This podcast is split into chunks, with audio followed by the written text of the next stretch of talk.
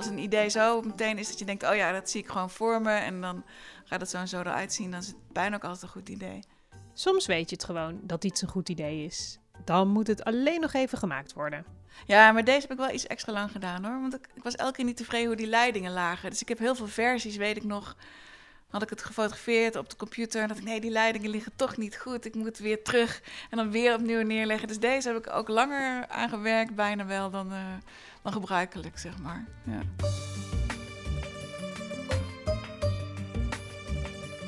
Degene met dat goede idee, dat is... Ik ben Ellen Mandenmaker. Ik ben illustrator, fotograaf, kunstenaar.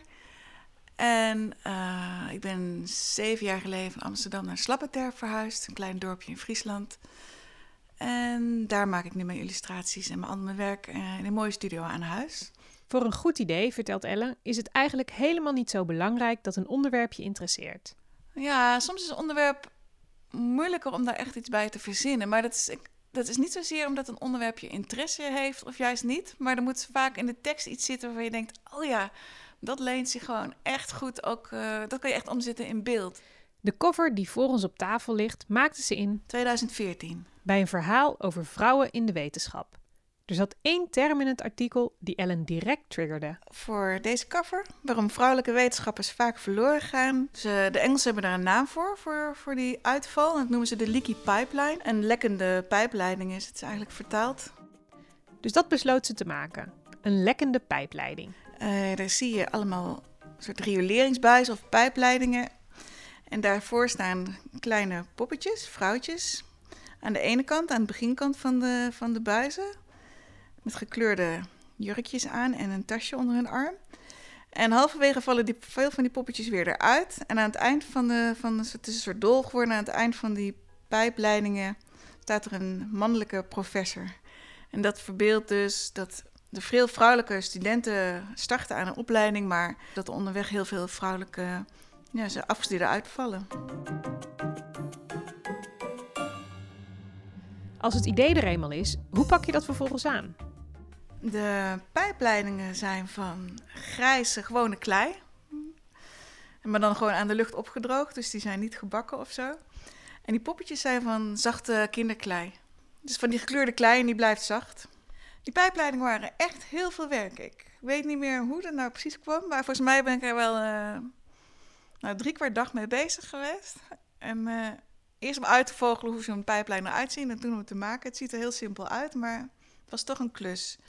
Ja, bijna net zoveel als die poppetjes, want daar wist ik wel ongeveer hoe dat moest. Die pijpleidingen waren ook nieuw voor mij. Ik had nooit eerder een pijpleiding gekleid, zeg maar.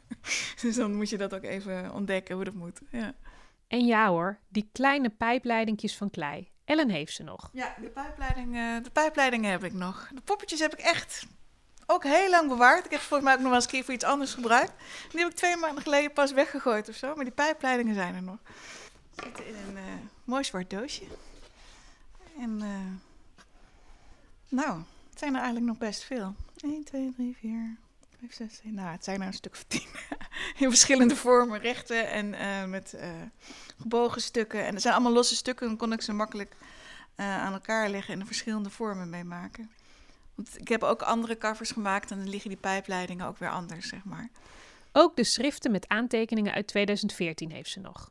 In dit schrift, of ik heb altijd schriftjes waar ik de schetsen in, in maak. En dit is dan uh, het schriftje waar de schetsen in staat voor de Leaky Pipeline. En dat is een heel simpel schetsje. Ik maak meestal echt maar een heel klein simpel schetsje. En ik heb ook nog het antwoord zelfs. Nee, ik heb mijn, wat ik geschreven heb aan de beeldredactie van, zal ik het voorlezen? Hoi Beate, ik heb zitten nadenken. Die leaky pipeline is een goed beeld. Lekkende pijplijnen. Ik zou daar iets mee willen doen.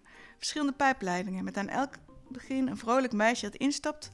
Dan nog een kronkel van die leidingen, meisjes die eruit vallen. En dan komen die leidingen samen uit één pijplijn, waar dan één mannelijke professor uitstapt. Ik wil die meisjes niet te gedetailleerd maken, zodat het ook een zekere abstractie krijgt met die leidingen die door het beeld lopen. Misschien ook wel van bovenaf gezien. Grijze leidingen, kleurige meisjes en saaie professor. Groetjes Ellen. Nou, goede omschrijving eigenlijk. Ja.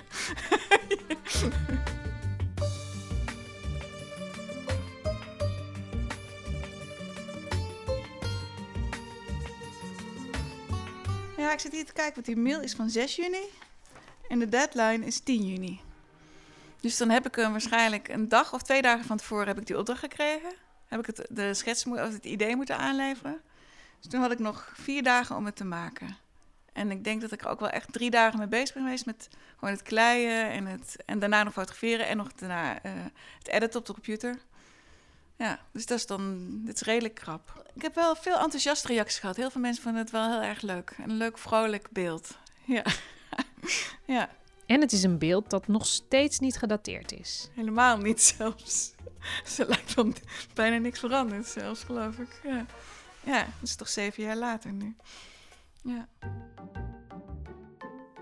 Wil je meer weten over vrouwen voor op de VPRO-gids? Ga dan naar vprogids.nl slash vrouwen.